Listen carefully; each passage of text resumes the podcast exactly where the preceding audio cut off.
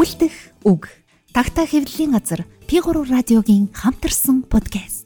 Та манай подкастыг Тагтаа цэгмэн сайт P3 радио FM 119 долгионоор хүлээн авч сонсоорой. Үлдэх үг подкаст.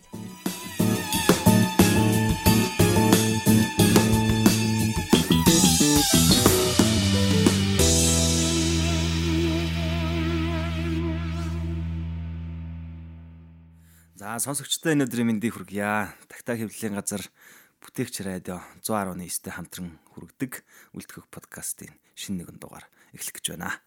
За манай энэ удаагийн дугаарын зочноор зохиолч яруу наригч Ядамсрынгийн Баярах. Багш. Тэгээ соёл урлагийн сургуулийн багш Ядамсрынгийн Баярах хүрэлцэрсэн байна. За энэ өдрийн мэнд хүргье.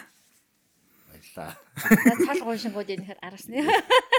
Танаа сонсогчдод бас энэ өдрийн мэнд хүргье. За та манай подкаст хэдэн жилийн дараа эргэж морилж байна уу? Энэ юу баясгалан нэг залуухан бүсгүй байхад бит хоёр гомсронгон зочны өрөөнд энэ подкастын ихний дугаарыг бичсэн санагдаж байна. Үлдэх үг гэд тэр ярилцлага асуултыг нь бий бэлтгээд баясгалан диктофоныг гаргаад тэр анхны подкастыг авч ирсэн. За тэгээд энэ нөгөө юу студид маань манай хэвлэлийн газрын редактор Яруу найрагч орчуулагч Мөхцөлийн Батбаяр. За тэгээд тагтаа хэвлэлийн газар эрхлэгч баясгалан миний бие байгаа. Ингэж танилцуулахгүй бол дүрс маань харагдахгүй учраас те.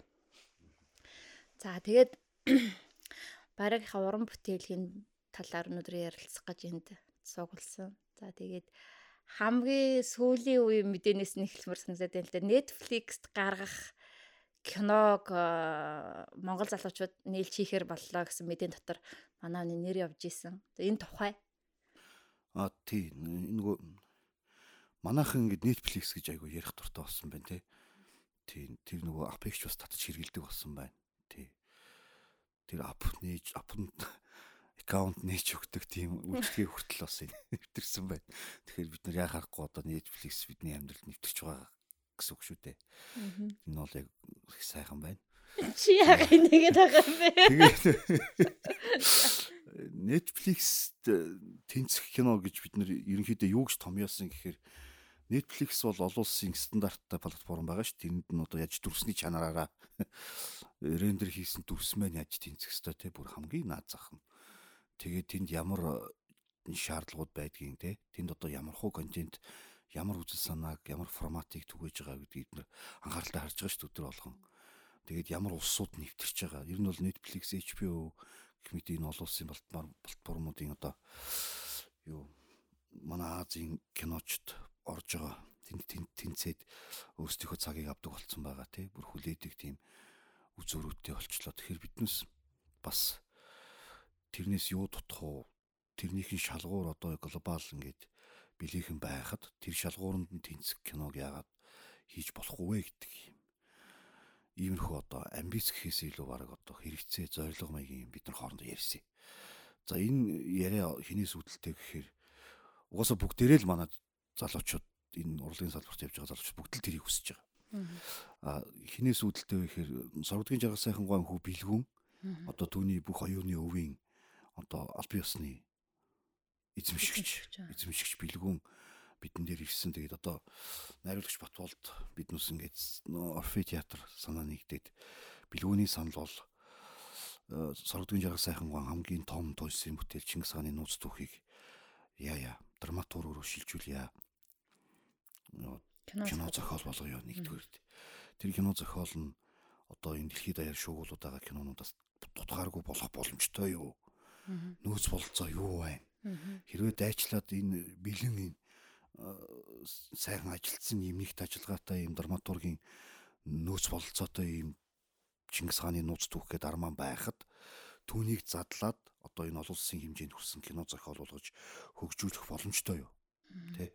Бэлгүүн өөрөө нөгөө Японд бас ийм урлагийн дистрибьютор чиглэлийн компанид ажиллаж исэн болохоор тэгвэл хэрвээ тэрийг ингээд задлаад ажиллахаар бол олон улсын зохиолын экспертүүд ч юм авчираад эхлээд энэ зохиолоо ингээд олон улсын төвшөнд гаргаж бичье.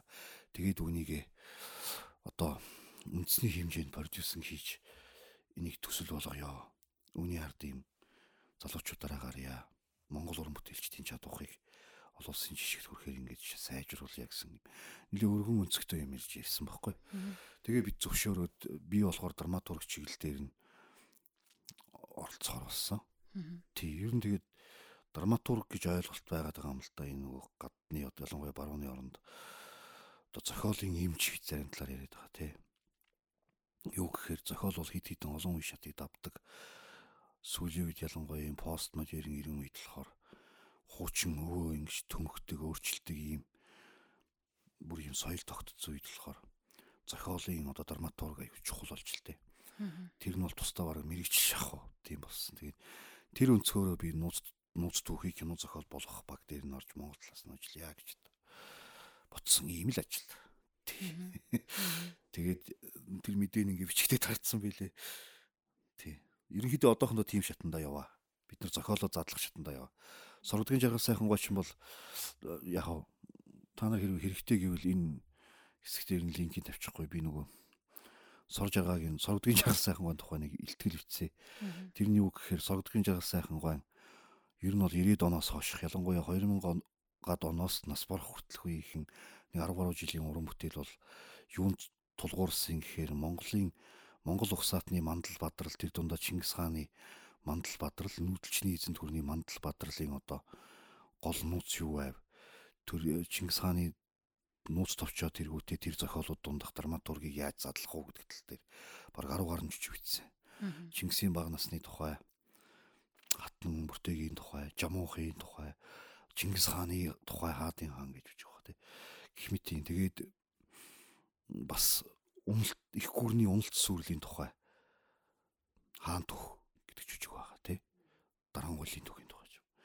Тэгээ энэ 10 гаруй жүжиг зөвхөн одоо энэ одоо 13 дугаар зууны монголчуудын мандал бадралыг тойрон одоо бичигдсэн байдаг. Тэрийг одоо юунд зориулж юм хийж ийнү гэхээр Чингис хааны нууц түүх гэдэг армандл зориулж хийсэн юм шиг надад санагддаг. Ягаад тэгэхээр энэ бүх жүжгүүдийн үндсэн драматург зөрчил ингээд гол ус шиг цутгаж ирээд Чингис хааны нууц түүхэд хураагддаг.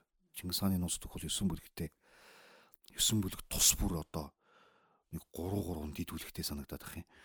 Тэр дид бүлгүүд нь тус тусдаа жүжиг болох үз. Өөрөөр хэлбэл энэ Чингис хааны нууц түүх дотор үндсэндээ нэг 27 бүлэгт жүжиг бай. Тий. 27 Та тийм хийж байгаа кино тэгээд олон ангит Тэг олон ангит форматаар хийх гэж байгаа байхгүй. Тэгээд одоо тэр форматаа сонгох тэгэл ямар хэлбэрээр яах вэ? Тэ? Ямар үйл явдлуудыг авах уу гэх мэт юм ямар шалгуураар энэ зохиолд хандах вэ те гэх мэт юм. Үзэл санааны хувьд тий тэрийгэ боловсруулж байна. Одоо жишээлбэл би зохиолд ажиллах шалгуураа гурван шаттай шалгуур одоо боловсруулсан тий. Одоо тэрийгэ ярил арай жоохон гүн рүү ороо явж байгаа. Би сайн чиний ярианс ингэж бодлоо л та. За их сохолм нарман штэ тий. Тэгээ өөрөө нөгөө жаргал сайхан гоо ч юм бол бид нэр их хөвчлэн нөгөө жүжигэн зохиол орн илүү сайн мэдэн штэ жүжигэн өөрөө бол драматургийн хүн тий. Тэгэнгүүт тэгээд энэ зохиол руу эргээд ордог олон жүжиг битсэн гэдэг гэж штэ. Тэнгүүт тэрийг буцаад задлаад жүжиг болгоход яг тэр нөгөө драмын хүний өөрөх нь битсэн юмыг ингээд буцаад задлахад арай чхан хэлбэр бусад одоо жишээл Достоевскийн зохиолыг жүжиг болохоос амруу хэлбэр. Тэгээ тийм хэлбэр биш. Хэлбэр шүү. Хэлбэр биш. Яагаад тэгэхээр сонголт хийхэд их төвхтэй юм шиг надад санагдсан. Өргөн сонголттой. Аа. Жишээлбэл одоо эхний бүлгийн лингийн уншаал задлаа явж байхад ингээд маш их тийм хурц зангилаа үйл явдлууд ихтэй. Тэгээд одоо тэрэн дээр жишээлбэл за дид бүлгийг нэг эпизод буюу нэг анги болгох уу? Эсвэл энэ бүртээ хатны тухай тэрүүн бүлгийг одоо нэг анги болгож хураах уу гэдээ эхлэхээр өөр асуудал болж эхэлнэ. Тэгээд дид бүлгийг нэг анги болгоод явах юм бол энэ дор хаяж 27 анги гэхгүй. Нэг 3 сизон орчим болж таарна да. Тэгээ энийгээ тодорхойлох асуудал болж эхэлж байгаа. Тэгээд тэр олон драматургийн зөрчлийг хурааж ингээд хийх нэг талаар бол ингээд нөгөө энержи ресурс ухаах удгийн хамгийн ашигтай шоогор хэсгүүд дээр ухалт хийсэн гэдэг шиг тэгээ тэгээд явчих болохоор амраар сэтгэвэл илүү жоохон хариуцлагатай сэтгэж эхлэх юм бол бүр ажиллагаа нь илүү хүнд болох магадaltaй. Гимзимийн хувьд болохоор нэг аллаг гардаг, нэг хүний намжлал гардаг тий. Түүнд холбоотой юунууд байгаа байхгүй. Нэг аллаг байгаа, нэг хүний намжил байгаа. Тэр нь бол шугам зангидахт их амар. Жишээлбэл би аллагын хэсгийг нь шүүх болгож зангидаад намжлын хэсгийг нь 2 дугаар бүлэг болгож зангидсан байх жишээний. Тэгэхээр энэ бол надад амар. Илүү амар. А юу болохоор нууц түүх болохоор 10 анги дээр 20 ажил хийх юм байлээ. Тий. 10 ангитай болгож хий гэж одоо төсөөлнө ш тэр киног жишээлбэл тэг зориглолоо гэхэд тэрэн дээр 20 ажил хийн. Одоо дахиж гимзэмийг дахиж бичгийн дайны 20 гаруй ажлыг хийх хэрэгтэй болно гэдгийг би мэдсэн. А нэгдүгээр асуудал, хоёрдугаар асуудал юу яг ижил төстэй ийм арманууд ийм өв байгаа юу гэж бодох юм бол байгаа. Жишээлбэл одоо сая Game of Thrones гэдгийн их зохиол галмсны дуун гэдэг алдартай цуврал 7 бит арман байгаа шүү. Тэрний хаадын тоглоом гэдэг хаан ширээний тоглоом гэдэг ихний бүлэг байгаа. Тэр бүлэг нь чигтээ нэг сизон буюу 10 анги болсон юм. Тэр номыг уншихад тэр ном хитийгээр хэмжээ нь одоо манай Чингис хааны нууц түүх Арманаас одоо соргодгийн жаргал сайхан агсны нууд Арманаас одоо зузаан боловч чиг дотоод үйл явдал нь бол үнэхээр сэрэг. Миний бэрхшээлтэй гэж хэлээд байгаа нь тийм учиртай. Соргодгийн жаргал сайхан бол үнэхээр дэлхийн хэмжээний зохиолч байсан гэдэг нь үгээр харагддаг. Нэгт бичлэгтэй гэсэн. Маш нэгт зөрчлөлттэй байхгүй юу? Үндсэндээ баг соргодгийн жаргал сайхны нэг ихний 2 3 бүлэг нийлэгдэл тэр хаадын эхний баг бүлэг нь л хаан ширээний тоглоом гэдэг арман болж задрах боломжтой байхгүй. Өөрөөр хэлбэл энэ арманы 9 бүлэг тус бүрнээ 9 бот том түүхэн арман болж задрах боломжтой. Фантастик арман болж задрах боломжтой. Тий. Тэгэхээр ийшээ чинь фантастик жанр оруулаад түүхэн жанр оруулаад өөрийн хурц драматургийн жүжигийн зохиолын жанрыг оруулаад ингэ биччихсэн. Ийм нэгт сүлжээтэй арман байхгүй. Тийм. Тэрийг уншаад тэр энэ хоёр арманыг одоо хүмүүс одоо гадны юмыг доош доош хийх дуртай гэж бодчих магадгүй л гэхдээ манай сордгийн жаргал сайхны Чингис хааны нууц түүх болно гэхээр баруун одоо бестселлер болж байгаа том энэ түүхэн уран сэтгэмжийн арманууд та бол өрсөлдөхүүц ер нь бол юу агуулгаараа бол илүү гарах үс тийм зохиол юм байна. Тэгээд нөгөө найруулагч маань тэр театрын хүн зохиолч маань бас театрын хэс тээ. Тэгэхээр яг нөгөө кино зохиол руу шилжчихээр юу мэдэгдэж гин үү ингээд өөр тий яг тий юу н өөр ах вэ? Би болохоор техниктэй илүү харьцдаг болохоор жишээл камерын хөдөлгөөнөөс өсвөл янз бүрийн тийм тийм болох байх. Гэхдээ биднээс эхлээд нөгөө би болохоор одоохондоо ялгалтаа л хийж байгаа. Үзэгдлийн ялгалт хийгдэж штэ. Энэ нь одоо миний ажил. Аа тэгээд энэ дээр бол скрипт докторууд ажиллана. Үнийг илүү нөгөө дөрвөлжин рүү одоо кадр руу оруулж сэтгэл кадрын сэтгэлгээр оруулж бичихэд Монголоос ч гаднаас ч юунууд скрипт докторууд ажиллах юм байлээ. Тэгэхээр тэрэнд биний санаа зовхгүй.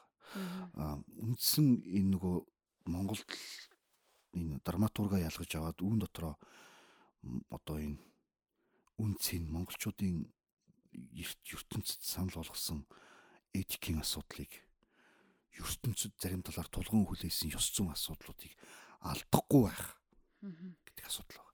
Энэ хүссэн үсээгүй энэ эпик буюу туйсын жанрын бүтээл болох нь ойлгомжтой. А Монголын тухай өмнөх олон улсын ч болоод Японы тэр одоо тэр Оросын нөгөө тэр нөгөө гэхдээ хамгийн сайн усан нь бол тэр Японы Чингис тэгээд нөгөө Орос Орос найруулагчийн Чингис байгаа шүү дээ. Бадруу Бадруугийн Чингис тий нөгөө сүүл Баяргоон дурсамжийн номон дээр Баяргоон орог продюсерлангаа алдсан гэж бичсэн байсан. Тэгээ тэр Чингисүүдийг харахад тэрэн дотор нэг юм байхгүй юм. Ягаад тэгэхээр тэгээ ер нь бол ингээм амжид энэ түүхэн төслүүд олонхон ер нь нурдаг юм шиг надад санагддаг. Тэр зөвхөн Монголын мөнх тэнгэр хүчин дээр дор гэдэг төсөлдөж болсон юм биш. Ер нь бол ихэнх төслүүд бүтлгүүдтэй шүү. Яагаад тэгэхээр энэ юунд байгаа юм гэхээр тэр нэг эпик чанарыг нь орхиод ах шиг байлдан дагуулагчийн тухай кино гэдэг байлдан дагуулагч болгон дэлхийд шин этикийг санал болгодог байхгүй. Аа. Македоны Александр жишээлбэл энэ том хэмжээний байлдан дагуулал өөрөө цус дүүл биш болоод геополитикийн юм том нүүдлүүд тоглоом болоод ингээ хувирчаар энэний цаана ёс зүйн тулгалтууд явж эхэлдэг өөр юм ирэхгүй. Тэгэхээр монголчууд өрн дахинд ямар ёс зүйн тулгалтыг богцондоо авч тулгалсан бай гэдэг нь энэ кино этик кино болохын үндэс байхгүй. Тэгж би ойлгосон. Epic бас ethic кино. Тэр этик этикээ эхлээд гаргаж авах хэрэгтэй. Эхлээд бол ер нь яг тэгээд энэ Чингис хааны нуус түүхэн дотор байгаа тэр юуг ялгаж авах хэрэгтэй гэж би бодсон. Эстетикийн гол кодуудыг, эстетикийн гол давуу талуудыг гаргаж аваад эстетикт бас тохирохгүй юмнууд чихвээ. Тэрэн дээр манай дайчин судлаач шүүмжигч хийхэн шүүн бичих хоббитой. Тэрнийх баялгалтай ядах. Тэрийг нь ялгаад те тэрний горыг нь ихс тааруулж аваад дараа нь энэ дотор эстетикийн ямар агуулга байна уу? Тэрийг нь ялгаад үүний дараа эпик болгохтой анхаарна. Эпик болгоно гэдэг нь бол ерөөсөө миний толгоогоос даваа явсан юм л да. Энэ бол нөгөө хамтын уран бүтээлчдийн ур чадварын асуудал. Эпик хүчин зүйл гэдэг бол цаг хугацааг ялахаар бүтээл хийнэ л гэсэн үг шүү дээ. Тэгэхээр тийм байгаа юм. Аа. Тий. Яг тэрэн дээр нь би илүү анхаарч байгаа юм. Тэгээ одоо тэр Македоны Александр надад эпик санагддггүй. Огт санагддггүй. Ягаад тэр Македоны Александр бүхлөтэн хоёр твийг нэгтгсэн хүн байгаа хүртэл хоёр иргэншлийг нэгтгсэн хүн байхад тий эртний одоо газар дундын тэнгисийн соёлыг энтгийн соёлтой нэгтгсэн хүн байхад тэр хүн зүгээр л ижил хүүстэндээ дурлагчийн дүрээр гаргасан нь энэ төслийг унгаасан. Энэ зүгээр зөвхөн грекийн ард түмэн ард түмнийг Македоны ард түмнийг уурлуулсандаа биш. Тэгж эпик цар хүрээтэй уран бүтээлчд нь харж чадаагүйгээс болж унсан. Унсан. Гэтэл Трой гэдэг э, хотын тухай сүүлийн үед энэ төрөл дээр амар захиур хагалж ноёлж байгаа жүжигэн зохиолч кино зохиолч шүү дээ. Тройг бичснийхээ дараа бол одоо би даасан агуу том төсөл одоо юу хийлээ шүү дээ. Game of Thrones-ыг хийлээ шүү дээ. Би тааж. Тэгэхээр Трой дээр бол яг зохиолчор оролцсон. Тэр яагаад Трой жишээлбэл яагаад тийм амжилттай явжваа тэр төсөл. Гэх мэт ингээ харахад тэнд тийм ёс суртахуун гэж байгаа байхгүй. Грекийн Толстойга хамгийн гоё ёс суртахууны төв болох Ахилийг бол зүгээр шүүмгэн баатар ч юм уу. Тэр талаас нь гаргаагүй. Ахил бол хайрладаг тий нэгдүгээрт хоёрдугаарт тэр Приам хаан ирээд Ахилаас тэр хүүгийнхээ цогцсыг гуйж байгаа тэр хүүгийн цогцсыг гуйхад түн тэр Ахилийн гаргаж байгаа хандлага энэ тэр тэрний тэр бичилт тэрний тэр дүрийн хөгжүүлэлт бол энэ кино амжилт болох болсон үндэс Эйтх санал болгож байгаа. Магадгүй Бодровын Чингис хавьгүй энэ Чингис хааны тухай төсвүүдээс дэлхийд хамгийн гайгүй амжилт болсон шалтгаан энэ кино эдик санал болгодог байхгүй юу? Санал болгодог. Монголчууд ч бас дэмч биш бас нэг гэсэн. Тий. Зөөлөн. Энэ хүмүүс бол энэ эр хүн бол энэ эр хүн бол этиктэй хүн шүү гэдэг тийм имийг санал болгодог. Тэрнээс тийм мэдрэгддэг байхгүй юу? Тэгээд ингэж жинлээ ботхоор эн чинь бас их тийм улс ууртай бодох хэрэгтэй яриа. Жишээл манай Монголын одоо маамгой эрдэнэгүй одоо Дармын Батбаяр гэж одоо манай Монголын одоо толгой зохиолч жүжигэн зохиолч энэ гурван хүн одоо нийлээд бичсэн мөнх тэнгэрийн хүчин дор кинон дотор ямар ололт байна, ямар алдаа байна гэдэг одоо бид нар харах хэрэгтэй байхгүй. Тэгэхээр энэ алдаа нь бол юу байна вэ гэдэг би бодох жишээ нэ тэ. Тэгээ одоо би нөгөө яах нөгөө жаргал сайхан гоо зохиолыг э, хөрвүүлэхийн тулд хийсэн юунаас л яриад гадаад дотоодын анализаар яриад ш. Тэгтэл бол жишээлбэл тэр зохиолт нэг том алдаа байна. Тэр нь юу вэ гэхээр яг энтгчүүд буддагийн тухай хийхдээ буддистуудын гаргасан алдаа шиг шүтц. Аа. Шүтц. Тэр дүр биш тэр бурхамжлагтаад байна тий. Чингисээ шүтээд. Шүтээд. А тэрнээс зугатаалахыг аль болох хичээсэн боловч яа харахгүй тэр хүмүүс маань одоо жишээлбэл одоо бид зарим зохиолчийг нь мэдэн шүү дээ нүүр зучирч явсан. Зарим хүний дотор байдаг тэр угуул тэр нэг тийм бишрэх үзэл тий. Аа. Энэ нь бол бишрэнгүй чанар нь одоо бол их тэр маш сайн боловсрсон дүрд дэгээ тавьсан. Бишрэнгүй чанараас болж бүгдийг нь үзүүлэх юмсан гэдэг ийм юу шунангуй хүсэл төрн заяа. Тэр яах вэ гэхээр оо одоо энэ өөлөн их одоо өөрийнхөө одоо эхийн усыг хутгаад хүүдээ өгүүлээд хүүг амьлуулсан гэдэг одоо гадныхан харахад бол жоохон нэг тиймэрхүү. Тэ одоо тиймэр шинжлэх ухааны уусыг 10 хоног яагаад байлгадаг вэ гэдэг шиг те нэг тиймэрхүү мэдрэмж төрмөр эрүүл ахуй хувьд хэцүү. Тэ ээж нь одоо орчин үед бол одоо шээсэл хутгаад өгч байгаа шүү дээ. Тэрийг өгөнгөд одоо Чингис хаан идгсэн одоо юу ч юм те.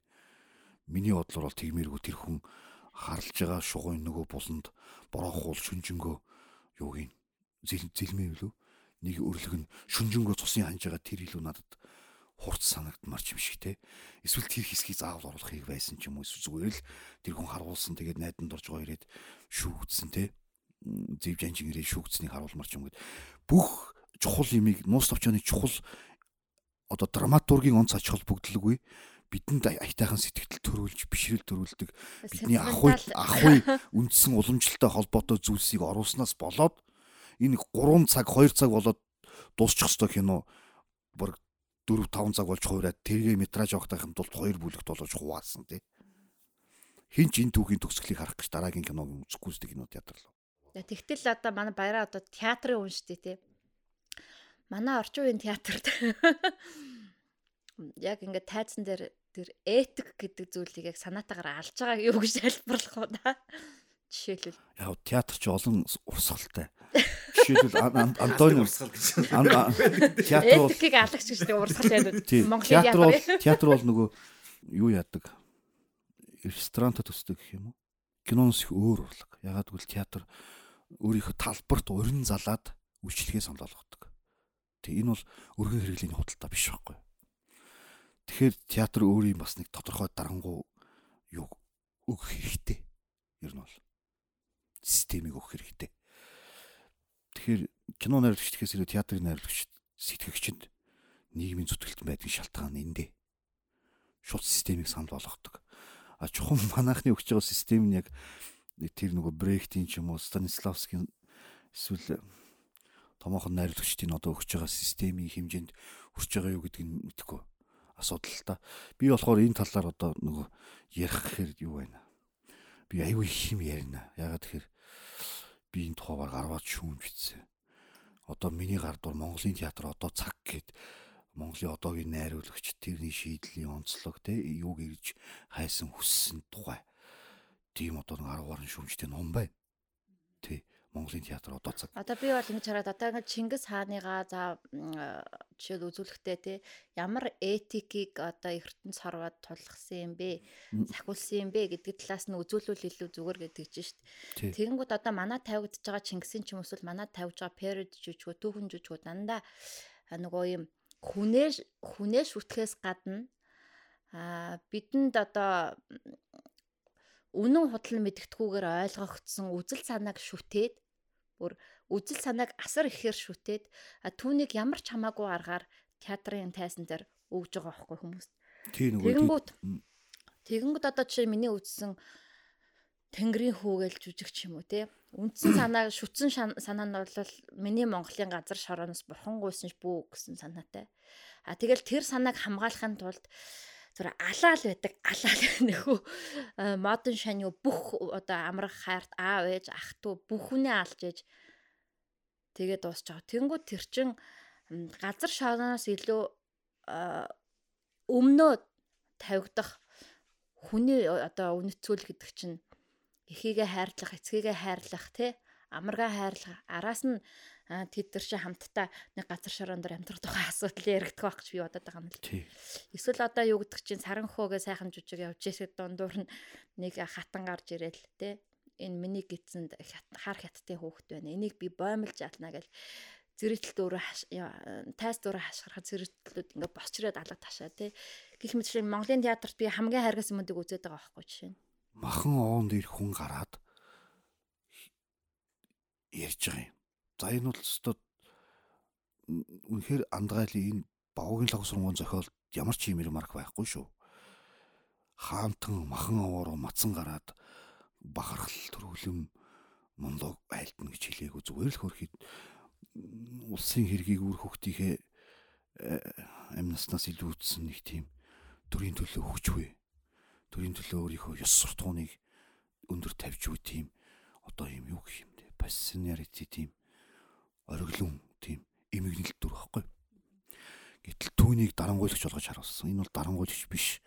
Овгийн лагсрунгаан үндсэн текстийг одоо ялч талаас нь харсан энэ дарангуйлагчийн тухай жүжиг биш. Гэтэл яг одоо нэг комеди хамраад тэргүүтээ доо зарим одоо яг текстийн сайт руу уншаагүй болов гэмээр хүмүүс гараад энэ жүжиг эстетизмын тухай жүжиг байсан байна гэж лагусрангуй үндсэн тексттэй холбож ярихад би үгүй шүү дээ гэж хэлмээр санагдсан. Ягаад гэвэл энэ дарангуулын тухай жүжиг биш байхгүй. Эн чинь нийтийн үйл хэргийн төлөө өөрийн гэр бүл баг амнасаа золиослж байгаа хүний тухай жүжиг байхгүй. Зарим талаараа жоохон гамлитик санагдуулам ч юм уу. Тэ. Тим жүжиг. Тийм байтал түүнийг ингээд монголчуудыг өдий болтол дэлхийд даяараа үзэн яддаг тэр хар домгийн биел болгож ингэж гаргаж төгсгсөн. Өөрөөр хэлбэл доолн төмөр умар дэнтхий эзлэхтэй тэнд босгосон махан ууны домог байдаг. Тэр домог эсвэл хүний махан идшдэн хүн хөрөлж чулуун зүрхтэн гэдгийг Европ даяар тарсан хар домог байдаг те. Энэ домгоо баттгаад баттгаадах бол тэр гадна таалагдах болов уу гэж бодсон ийм бодол. Энэ бол Чингис хааны булшийг олоод буцаж ухаж төнгөснөнтөөс нэг ялгаагүй том нүгэл гэж би бодсон байхгүй. Тий. Шүүнж бичих гэж бодож биш чадаагүй. Ягаад гэвэл энэ зэрэгцээ жүжиг яг маркетингийн хувьд тавигдчихсан учраас те нэг жүжигийн зохиолч нь босож яваад доо хоёр те яг Улаанбаатар Яг тэр үед тийм тавьж исэн болохоор одоо шиг гим зэмний зохиол дээр ажилласан учраас нөгөө талд нь босч яваад нөгөө жүжигэд нүдэд эхлэх нь юуг гэж бодсон ч надад бол жишээлбэл ийм бодол төрсэн байхгүй. Тэгээ энэ юунаас холбоотой юм бэ гэхээр энийг жанраа мэдхгүй байгаагаас холбоотой гэж би боддог. Юу гэхээр манай Вавгийн лагусрын зохиолч бол юу юм? Сэргэн мандалтын үеийн одоо Шекспирийн Кристофор Марлогийн ч юм уу. Түүнээс наадах одоо романтизмын үеийн гэтэгийн ч юм уу, шийлрийн энэ арга барилаар өөрөөр хэлбэл зөрчлийг нуухгүй шууд яриандаа илэрхийлж гаргадаг хамгийн наад наад тал нь романтизмын одоо гетегийн пауст хүртэл одоо ингээд яадаг юм жүжигийн жанраар бичдэг байсан. Өөрөөр хэлбэл орчин үеийн драм биш. Энэ бол романтик драм байхгүй. Энэ классик драм байхгүй. Шийлрийн үеийн драм.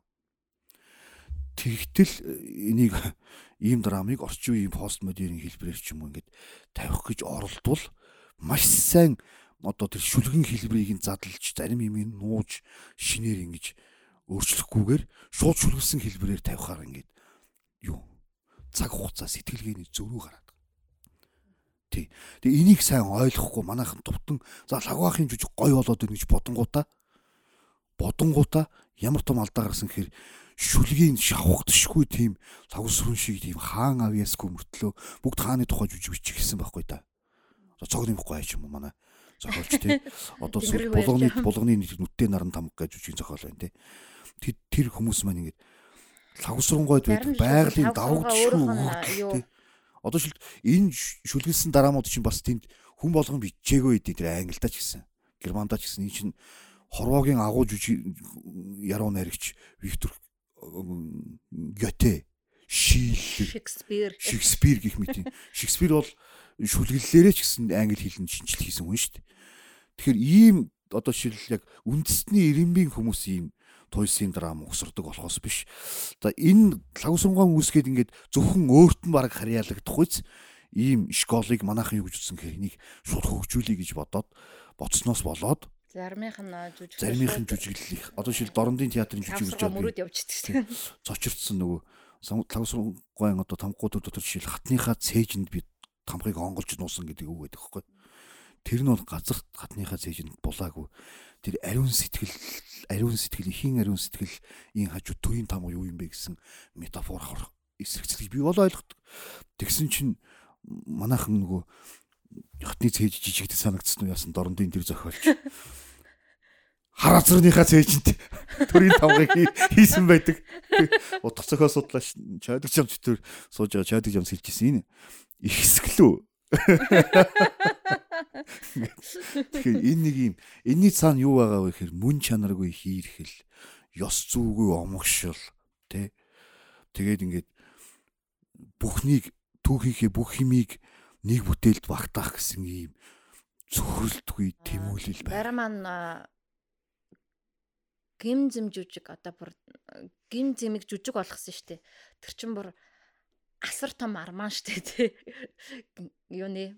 Достоевскийн агуу тав арманых нэг За тэгээд тэр нөгөө арман жүжиг болгоно гэ ялангуяа тэр Достоевский шиг тэр нэг нэг агуу ийм юутай ийм жинхэнэ нөгөө үзэл санаа тэр бүх юмыг ингээд философиг бүр ингээд тулгадаг тийм агуу амар том дотроо маш зөрчилтөндөө олон сүлцсэн драматургтай арманыг те тайзан дээр нэг 2 цагийн чинь 3 цаг жүжиг болгоно гэдэг бол айгүй хэцүү санагдчихсэн. Тэгээд тэр нөгөө гимзэмиг яриад л та гимзим бол яг хамгийн гэхдээ Достоевский дотор бол гимзим хамгийн их экранизацлагдах бөгөөд ингээд хувирсан юм байлээ. Жишээлбэл одоо Кармазовын хөвүүдийг бол баг бид их боломжгүй гэж бодож байна. Юу гэхээр Кармазовын хөвүүд сценографи буюу жүжигийн зохиол болох бараг боломжгүй.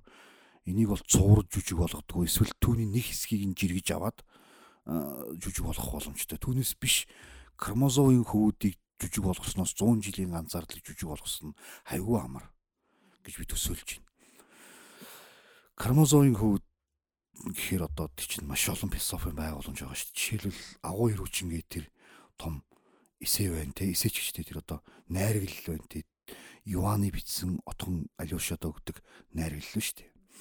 Тэр бол тусдаа асар гүн игсэн цайлс санаатай шишний игсэн цайлс зэрэгцүүлэлт байхгүй тэр ч одоо кардиналтай хэрэлдэж байгаа гэж би ойлгоод байгаа бурхан бууж ирээд тэмүүт хөөе тийм байхгүй шүү гэд өөрийнх нь сургаалыг өөрийнх нь оршихуйг номлодог итгээд яг үндсэн оршихуйгаа мадлаад байгаа байхгүй тэр чинь гайхалтай ийм юу байхгүй хош одоо агуу хошигнол байхгүй юу? Ер нь бол.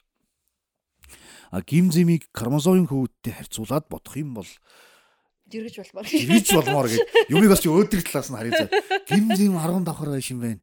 Ээ яаж нураана гэж бодохын оронд цаана кармозын хүү 100 100 давхар 100 давхар байшин шүү. Өө надлын 10 давхар байшин шүү багтай гэж бодох бол арай амар.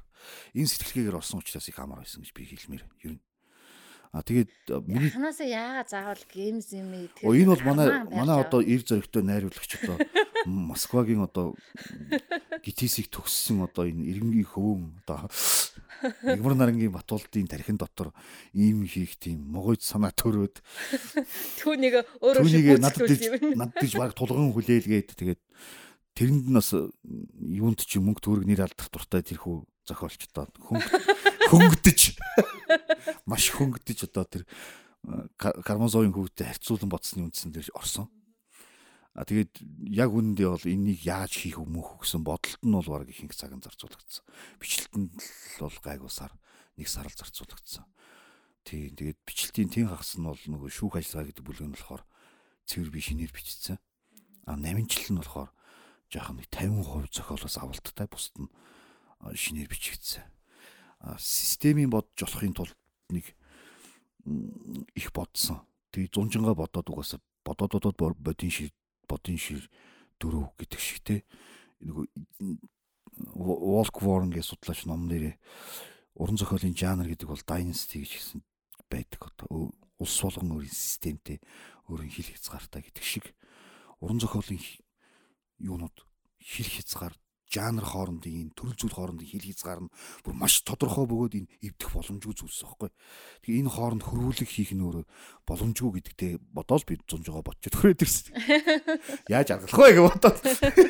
Тэр талдаа илүү бяцлахаа тэгээд яасан тэгээд уулзаа ярилцсны дараа биднес нилээ нилээ бодоод өөрөөсөө хойлоороо хийсний дараа би нэг орой ер нь яаж л яа гэм бэ? Шүүх ажиллагаагаар хийчихвэл яа гэм бэ? Шүүхийн процесс ор хийжүүл яа гэм бэ гэд ингээ ярьсан.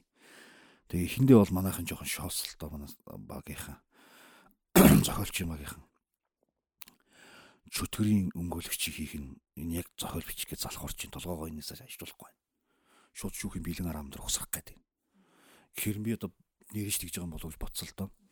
Тэгээ маргааш нэгж уулзсны дараа манай найруулагч тэр юун дээр шүүхийн систем өөрөө зөв байна гэж одоо ухаарсан байсан. Тэгээ бид нар ингээд тэр шүүхийн системд ямар давуу тал байгааг бүгдээр олж мэдцгээлээ л дээ. Юу гэхээр шүүх бол хүн төрөлхтний нийгмийн харилцаанд хамгийн театрчлагдсан зүйл байхгүй. Шүүхч аль ч улсад за баясгалангийн шүүгч тэнцсэн орон зайг яллагч энэ чи өөрөө театрчлагдсан үйл явц байхгүй. Тэр нь маш сонирхолтой. Монгол яж шүүхлэг орныг хэлэх үү. Тэр шүүх бол тэгж бичигдсэн. Тэр шүүх нь бол Раскольниковын шүүх, оршихуйн шүүх байх хэрэгтэй гэж би бодсон. Тэгээд энэ экссенциалист драм болох хэвээр эхний бүлэг бол жүжигийн нэг цаг үргэлжлэх экзистенциалист дайралтууд хэлбэрийн хувьд ялгаагаар дайрна, өнгөөлж дайрна, яллаж дайрна, өнгөөж дайрна. Өөрөө өмөрн. Дунд нь тий, дунд нь нэг өмөөргөж жагаад яг эвгүй баримт дэрэгчж байгаа нөхдүүд ч байгаа тий. Тэр нь чив чимээгүй яг тайзны голд ингээд тийш аваад сууж байгаа манай Раскольников ковиг өөрөө өөрийгөө зөвтөө зөв бурууга зөвтгөж монологдох ямар ч боломжгүйгээр тэр хүний дүрийг Раскольников гэдэг хүний оршихуйг огт тоглоулахгүйгээр нэгдүгээр бүлэгт хэрхэн гаргаж ирэх вэ гэдэг нь энэний эхний бүлгийн гол шийдэл байсан байхгүй. Тэгээ энэ бүлэг их хэрчтэй тоглогддог бүлэг. Манай ганц цэг жүжигчин хим жүжигчин ууган баяр одоо тэр нөгөө төвшөө эднүсийн ирч хүчээс шалтгаалаад заримдаа 45 минут тоглогдсон, заримдаа 55 минут тоглогдсон. Наас цааш 10 минутаар хөдөлдөг юм бүлэг байхгүй. Тий. Тэгж бичигдсэн. Тэгээд дараагийн бүлэг нь бол цэвэр юуны 8-члал. 8-члал. Тий. Раскольниковын дотоод 8-члал түүнд холбоотой хүчин зүйлс, гэр бүлийн хүчин зүйлс. Тэгээд гэр бүлийг нь тойрсон энэ юу бөөмнөрлийг ингэж үзсэн. Тий. Тэгээ одоо ингээд 47 бараг 50 гаруй удаа тавигдсан л та. Тэрний дараа ингээ харж яхад ч гэсэн яг үнэндээ бас Раскольниковын намжлал дээр бас ажиллах байж Раскольниковыг жоохон цаад пон руу өгчөө юу гэсэн нэг тийм эргэлзээ бол одоо 47 тоглолч нэг тийм хэдэн мянган хүн үтсэн юм бэ мэдгүй 17 20 мянган хүн үтсэн гэж манай продюсер хэлэх шиг болсон. Тэгээд тэр хүмүүс бол мэдж байгаа юмсан хүмүүс бол үтсэн хүмүүс бол жоохон цааш тавьсан. Ялангуяа манай уран зохиол судлаачид э, яруу найрагчдын одоо тэр жүжигээс гарч хэлсэн гол над төгсөн гол комментууд бол сэтгэл юу гэхээр Раскольников цаашаа орчод байна. Тийм болохоор намжлын хэсэгт Раскольников цаашаа нэг алхачаар Соня дагж нэг алхаад намжил бүтгэрээд байна. Нам гэр бүлийн зовлон их байна гэд. Дууны муунийг авчаа гэсэн ш би. Тэгэхээр дууныг авч ирэх нь жааш юм. ер нь ямар ч хүнийг ямар нэг юмнаас авч явах хэцүү тийм шүү. Баясгалан минь. Тэгээ би ботсон байхгүй. Тайзаа цэвэрлээч баяраа гэсэн. Би зүгээр Раскольников Раскольников нааша алхуулъя гэж бодсон юм. Алхуулъя. Тэгж алхан хийчингүүт одоо жишээлбэл хөрхи олон хүн зураг авахулах гэхээр нөгөө ингээд хүн ихэнх амбицтай хүмүүс урдуур зогсчихдээ шүү дээ. Хөөе. Бас нэлээ олон хүнтэй зурлаа би дандаа урд тийм нэлээд ер нь хүний амбицнээс харагддаг байхгүй. Тэг олон хүнтэй зураг дээрээс бас харагддаг хөрхи. Намайг олоороо гэд нэг өнцгтэн зогсцсон яг тэр юмны гол үзэл санааг тээж яваа хүмүүс ч бас байж харагддаг тий. Тэр яг тэр гарах хэмжээний тий. Тэгэхээр тий тэр тэр хүнийг нааш нүрийн игнээр гаргаж ирэх хэрэгтэй гэдгийг ойлгосон. Тэгээ үүн дээр дахиж би зохиол дээр ирмэг хийж ажиллахаар дахин загварчлал гаргасан. Драматургийн загварчлалыг. Одоо ингэдэггүй.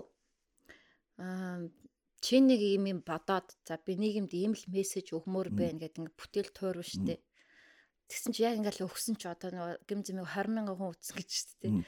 Өгсөн чинь чиний мессеж шал өөр мессеж яг юу тусгал нь тийм болчихвол одоо яг жишээ би ингэж анзаарсан байхгүй. Гимзэмиг одоо чи юу гэж бодож яасан Батуулд юу гэж яасан? За мэдээж нэг тийм хан хан байгаа те за би бас үзэгчийн үед очиод ингээд ингээд тэгтэл ингээд нэг 20 мянган хүмүүс ингээд үзээд ингээд жаа жүжиг хавтгаарах тусам Раскольниковыг шүтж гарч ирсэн хүмүүс айгүй их байсан байхгүй. Хөөрхий Раскольников гэж гэсэн пост би амар харсан байхгүй.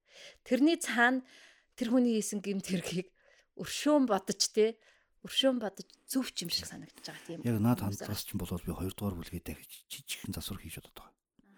Раскольниковыг намжлалт талыг гаргаад тогтолцсон байгаа. Тэр нөгөө ухаарлан гарч ирэх байгаа. Тэгэхээр би наашаага татах арга хайж байгаа. Тэр нь аргаж хүрэг олцсон доо. Хэрвээ 60 мянган хүнийг буруу үйл санаараа төлгснийхээ хэрвээ тий хэрвээ ирэх жилээс гимзэм жүжиг дахин тоглогдвол үтсэн 20 мянган хүн маань ч гэсэн шинж жүжиг үзэн шүү. Хурж ирээд үзээрэй. Буруу ойлгосныгоо зөөр манай каст манай манай билет уламжлалсаар шопинг имэн тикет имэнээр зарагдана. Нь жашин тий.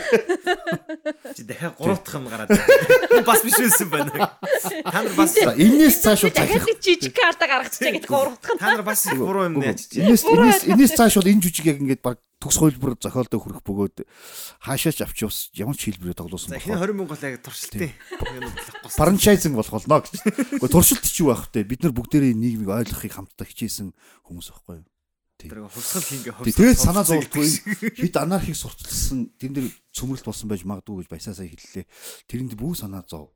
Ягаад гэвэл давраад байвал дарлаад өгдөн шүү гэсэн санаатай тамггүй төр тимд най тавилттай тамггүй төрийг энэс баг 10 дахин хүн өчсөн байгаа. Тэгэхээр анархист бодолтойсэн үзэгч маань.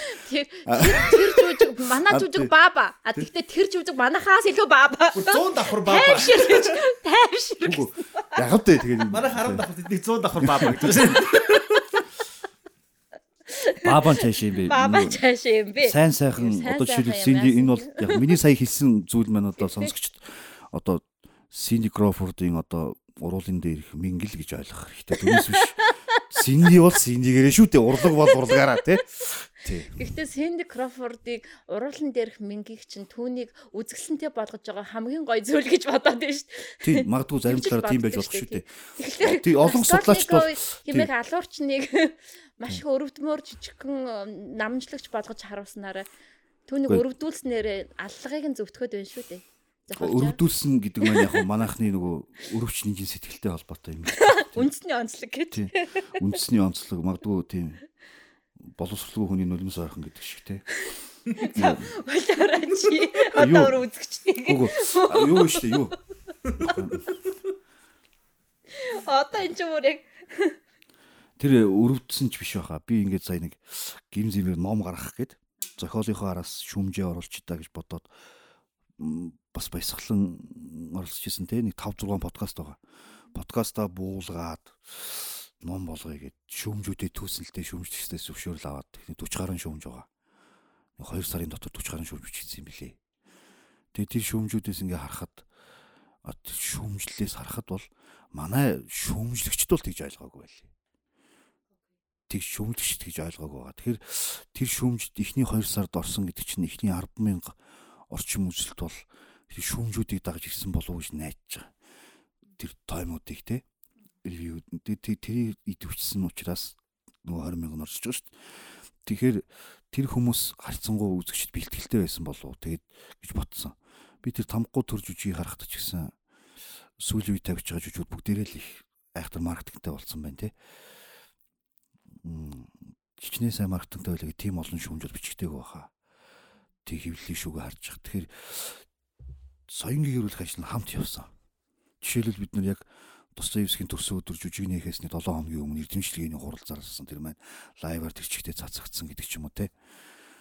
Тийм учраас бол гайгүй байхаа тэр анарх нь арай гайгүй байх гэд Баясагийн саяны тэр анарх гэсэн санаат ямар удаан зурлалтай юу. За одоо гээд жүжиг ярьлаа, кино ярьлаа. Манай баяраач одоо яруу найрагч хүн шүү дээ. Шүлэг шүлгийн тухай яриа. Алтуудын хэдэн удаагийн шагналтай лээ. За, муу маань нэг шүлгийн тухай энэ хүн хүнээс одоо Борон дорсон Чехов чи хамгийн сүүлийн ном таслал За тэгээ тэрний өмнө чинь илүү төгс таяр ном байгаа тий. Нэг урлаг. Би ч нэлээд олон шүлгийн ном гаргасан. Боргохон талын уянгаас гэлээ дөө. Би тэгээд яг яруу найраг бол яг юу л та. Тий. Хуульч хүн өргөдөл сайн бичдэг шиг л те. Миний хувьд л биш үлэх сайн бичдэг л те. Вэ? чи хуульч хүн өргөдөл сайн бичдэг. Чиний хувьд шүлэг сайн бичдэг. Чи ямар хүн байгаа шүлэг сайн бичдэг. Би Бас хойлж гэж. Тийм амар логиктэй. би болохоор яг Зүг тогтлон гэж юм. тийм учраас намайг яруу найрагч гэж байна. Миний бодлоор Яг шүлэгч хүн дараам сайн бичдэг л дээ гэж. Шүлэг бичих шүлэг бич хүн болгон одоо шүлэг бичих боломжтой гэж би боддог. Тий. Гэхдээ хүмүүс шүлэг бичдэг хүмүүс яг бас нэг тавилангаар тийшээ ордог байхаа. Тий. Би болохоор яг ээжээсээ болж шүлэг бичдэг болсон. Тий. Манай ээж бол яг орон нутгийн сэхийдэг хүн байхгүй. Бага ангийн багш. Миний бага ангийн багш. Надад бичих үсэг заасан. Ээж уран зохиолд амар хайртай. Манай тэгтэл ихэнх хими ном байсан. Манай аав хими багш шүү. Тэгээ тэрэн дотор миний хайртай ээжийн уран зохиолын хайртай хэсэг ном байлаа л жишээлбэл тэр Баш болборын гэрэлт хайр ч юм уу, лаг усрангой ном ч юм уу, гайдуугай ч юм уу, тий. Тэгээд ингээд тэр ээжийн уран зохиолд хайртай, уран зохиолыг хайрлсан үднээс одоо жишээлбэл одоо нөгөө обломо маягийн алхаарлыг надад ярьж исэн тэр зохиогч юм юм ч юм уу те уран зохиолоор дүрээр сэтгэж ээж надад одоо сургаал магаал айлддаг байлаа л тэг хичээл заах чадвар нь бол их сайн багш миний ээж тэр нь бол уран зохиолтой холбоотой. Уншсан юм а хүүхдүүд заадаг.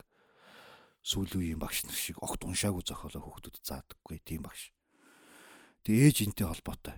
Ээж намайг уран зохиолоор яг тэгж хөтөлсөн тэг би яг ээжийн уран зохиол дээр дурлаад зогссон цэгээс нь эхлэж шүлэгч хэлсэн байхгүй. Тийм ээжтэй тоогдох хүсэл байж магадгүй бүр хамгийн зэрэг хүүхдийн. Тийм тэгээд яг үнэндээ тэр 5 дугаар анги манг шүлэгч чад бүгд л адилхан нэг юм бичиж байгаа ш чаавас. Тэг яг 7 дугаар анги мангаас ингэдэг нөгөө уран зохиол гүнзгий дурлж мөрлаад одоо бидний үеийн бүгд уншсан нөгөө дори тэр дүүтэйгээд ном уншаад тэгээд аюур зангуайн хар номуудыг уншаа те. Тэгэнгүүт аюур зангуайн сонь сонь те. Аюур сонь шүлгүүд мүлгүүд уншаа те. Тэгэнгүүт өө цаа цаа. Энд чи гоё юм шүү. Нэг тиймэрхүү мэдрэмжээр л шүлгт дурсан байх те. Ер нь бол хөдөө амьдарч байгаа хүүхд яг манай үеийнхэн амар их шүлгч төрсэн хөдөөнөөс бол одоо нэг нь одоо хоёулаа одоо миний урдаас хараа сууч. Барууны батсрал хүмүүс шүү дээ. Дахиж одоо ингэ дэлбэрч олон 30 40 шүлэгч нэгэн зэрэг цугулж одоо те энэ бол ер нь шүлэг уншин олон нийт шүлэг уншина гэдэг нь баясгалан байна. Ер нь жоох юм гаж донорхоо юм байгаа шүү дээ. Гаж үйл гэдэг ч юм уу. Шашны гаж үлрэх зүйл байхгүй.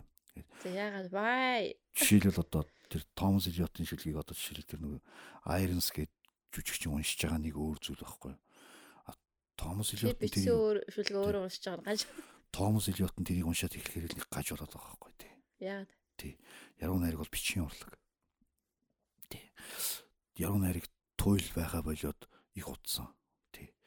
Хомер бол олон мянган жилийн өмнө өөрөө уншдаг байж. Тий. Тэр утгаараа тий. Яруу найраг ямар нэг юмар дамжиж илэрдэг болоод их удаж байна. Тэгээ манад энэ энэ бол яг манад энэ нөгөө шүлэг яг ингээд яг үндсэн зорилтоос өөрөөр ингэж гардаг. Энэ тэгээ манайхан бас их одоо радио телевизэд бүгдээ шүлэгчд маань их хитэр байдаг шалтгаан гэхтэй. Манай яруу найргийн үндсэн үнэлэмж жоохон нэг тийм гоёнхоо байхгүй юу? Тий. Тэгж боддгоо. Яруу найргийн үндсэн үнэлэмж гэдэг нь юу юм? Үгүй яг яруу найраг одоо жишээлбэл хаанч очисон одоо одоо хиймч хүнийг бол хиймчээ хүлээд авчих, инженерийн хүнийг инженерийг хүлээд авчих. Тэгээ би одоо очиод яруу найраг чи хэлэгдэхээр баясгах болоо явчихдаг Азар би бас бас нэг тийм бас нэг шүлэг мүлэг унших чадвартай шүүхэн. Тэгээд тэр хүмүүсийн үнэлэмжийг унгаахгүй. Тэгээд яг уншиж чаддгүй одоо манай бачка номдод шүлэг мүлэг бичдэг нөтөд бол тэгээд яаж амьдрт юм аа мэдэхгүй Монголын нийгэмд бол тий. Энийг үн шүлэг уншаад амьдарч байгаа хүн амьдрах юу ах вэ тэр чинь бас би чинь бид нар нийгэмдээ л амьдарч байгаа шүү дээ яг үнэндээ тий. Тий. Бидний нэг баясгааш тэг хоёр шүлэг бодчих.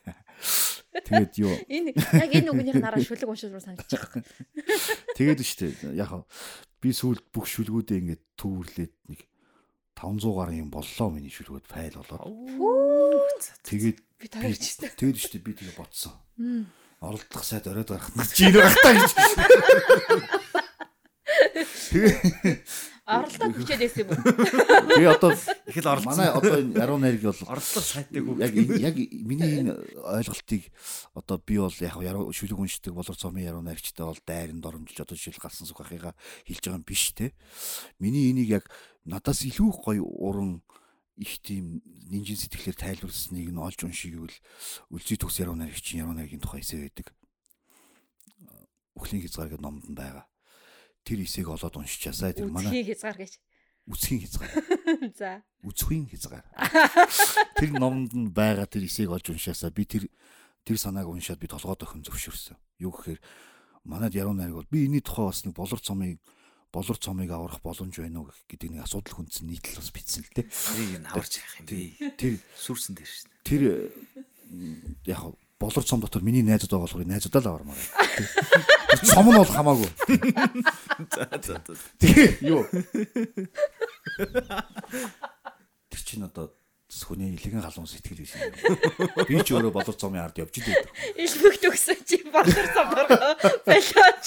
За тэгээд за за тэгээ өлзөг чи санааг байсан. Тэр санаа нь юу байсан гэхээр Манай яруу найрыг 300 хүн ширхэг хөвлөгддөг юм аа. Одоо ч гэсэн манай дүүнер за би ч нэг таслыг нэг мянгаас нэг 700 орчмыг зарсан баг. Миний хувьд бол рекорд. 300-ийн бол баталгаадаа дараасан. Бүгд дараасан. Өөдөөс чинь 4000-ыг зарсан гэж тийм. Тий.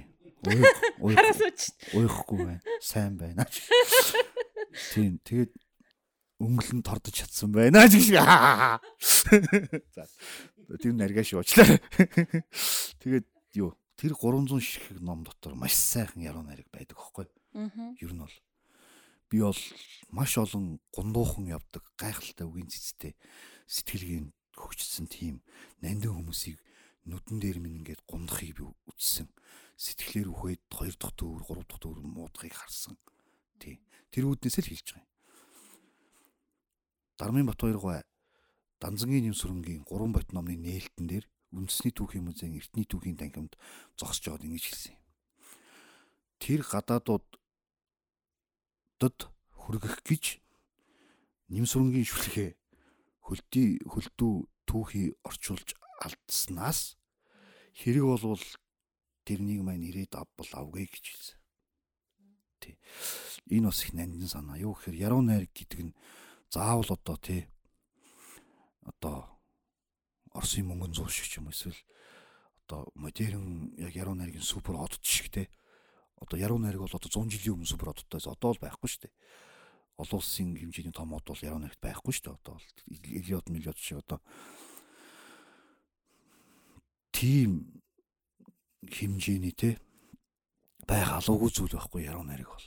Бусад жанраас нэг ялгаатай. Бусад ингээд нандин хой хүний сайн сайхан дурсамжийн ч юм уу ой дуурслын юм цуурай болон байх ёстой зүйл байхгүй. Тий. Тийм учраас би тэр тухайн үедээ бол яг нөгөө Дармын Батбаяр юм болгон тийм сонин парадокс хэлдэг утгаараа хэлж ийн гэж бодсон чинь одоо ингэ ботсон чинь нэрэл тэд хэрэгтэй бол нэмсрэн ирээд аавна үсттэй. Гайхалтай монгол хэл сурсан гүүшин нэрээд нэмсрэн байна. Яг л тэр яг тэр хэлбэрээр нь яг англи руу санааг нь аваа буулган үсттэй тий. Тэр борчгонс браун степ гэдэг шиг биднес төрөгдөн түүнийг дүүхийгээр нь гаргах хэрэг байна уу даа гэж та би боддгийн. Би бас ингэж боддоо шүү дээ. Яруу найргын сэтгэлгээ гэдэг бол ямар ч улс үндэстэнд одоо өстой Камбожч ч Монголч ч Англич Америк гэдэг адилхан өндөр түвшинд байдаг гэж боддог шүү дээ. Яг бол хүн гэдэг үгэнд байж байгаа л тэнд хайрлаж байгаа, дурлж байгаа, зовж байгаа бол а тэнд тэр хүнд өөр ингэсэн хилэн байгаа бол өөр энэ ч өөр хилний урлаг байхгүй юу? Нэг талаараа тий. А тэгээд тэр нөгөө нэг мэдрэмж хэл хоёр нэгтгэр 10 нарг болж байгаа шүү дээ тий. А тэгэнгүүт хүн хүн гэдэг амт нь ч өөрөө мэдрэмжтэй дээрэс нь өөрийнх нь гэсэн хэлтэй байвал тэр тэр өста альч улсад агуу найраг төрөх боломжтой. Яг хинчлхэн өндөр түвшинд байдаг. Эртнээсээ эдүгэ хүртэл. Тий, тий. Нэг нь жинхэнэ яруу найраг 2000 жилийн өмнө ч өндөр түвшинд л байсан. Тий 2000 оны үед ч өндөр түвшин байсан. Одоо ч гэсэн жинхэнэ яруу найраг өндөр түвшиндээ 20000 оны оны өмнөхөөс буугаагүй өндөр түвшиндээ байх боломжтой байхгүй байж байгаа. Бүх улс үндэстэнд бүх нүх жалга дов тий судаг жалханд а тэгэнгүүт одоо ингээл манай яруу найргийг хөгжүүлэх юмсан манай яруу найраг Монгол яруу найраг дэлхийн түвшиндээ харьцуулахад хаана гэдэг чинь бүр тийм асуултанд хэдэн удаа яригдсан. Би бол л насаараа яригч чинь айгу утгагүй байхгүй. Өөрөөсөө утгагүй. Манай улсын төгс, манай хаяурс нь манай одгөрл, манай баяраа, манай инженаш те манай Батбаяр Элиот одоо юу гэдэг чинь Диккенсэн бүх юмтай яг яг ижлэхэн төвшөнд байхгүй. Тийм. Яг бол тэгээд үндэстэн гэдэг чинь минер оцсон сая. Ойноо дорлоо. Ягаад гэвэл ягаад гэвэл энэ хэлний орчинд яг энэ монгол хэлний орчинд агуу одоо одоостой урын яруугаар нь ч юм уу утга төгөлдрөөр нь ч юм уу тэр мэдрэмжийг илэрхийлж чадсан бол энэ хэлний огт ээж нь англи хэлний огтээжтэй адилхан л байхгүй яг сэтгэлгээний үед адилхан байхгүй. Тийм болохоор яруу найргийн сэтгэлгээг болвол би эртнээсээ эдүгээ хүртэл тэгээ бүх дэлхийд даяар бүх цаг үед яг л адилхан өндөр түвшинд байх боломжтой. Өндөр нь нам намхан шүү дээ тий. Өндөр нь өндөр түвшинд байх боломжтой. А тэгэхээр одоо энийг яруу найргийг хөгжүүлэх мөвчүүлэх тухайн асуудал байх боломжгүй гэж бодсон шүү дээ. Яг тэр утгаараа болор замын тайз гэдэг чинь бас блокийн хэлсэн алдартай үгүй шүү дээ. Манай Батбаяр. Тий. блокийн хэлч шилдэг яруу найр гэдэг бол тогтмол тогтмол хэмжигдэхгүй гэж юм тий. Тий. Тэ? Тэгэхээр яг энэ бол яг тийм байхгүй яг яруу найрыг хөгжүүлж болохгүй байхгүй. Аа зүгээр романыг тийм үү үргэлжилсэн үгийг драматургийг одоо юу гэдэг тэрийг бол тэр чин болол өөр харцсангуу өөр хөгжүүлэл шаарддаг Энэ төрөл зүйлүүд чинь бүгд Бүгд өөр өөр өөрийн юутай байгаа шүү дээ онцлогтой байгаа тий. Тийм тэгээ яруу найраг өөрөө төрмөл чанартай яруу найраг өөрөө нэг тийм жахан цэвэр чанартай учраас тэр цэвэр ямыг хөгжүүлэх ямарч боломжгүй байх. Ямагт яруу найрагч байд хүрнэл зохиол дээр Хүрнэл зохиол дээр. борхоос үг тий. Мм. Тий. Тийм байна. За Тэгээд- та нэг бидэнд шүлэг шүлэг уншиж өгөл төө. За би энэ онгоцон дээр тавьсан нийч хөө. Онгоцон дээр тавьсан орчинд бол яруу найраг байдгүй байна. Таны одоо тэр яхаа 500 шүлэг байна гэж одоо гарах төвчсөн тэгээд энэ- наач нэргэ шүү. Аа тийм. Наач нэргэ шүү. Тий. Юу- юм бэ?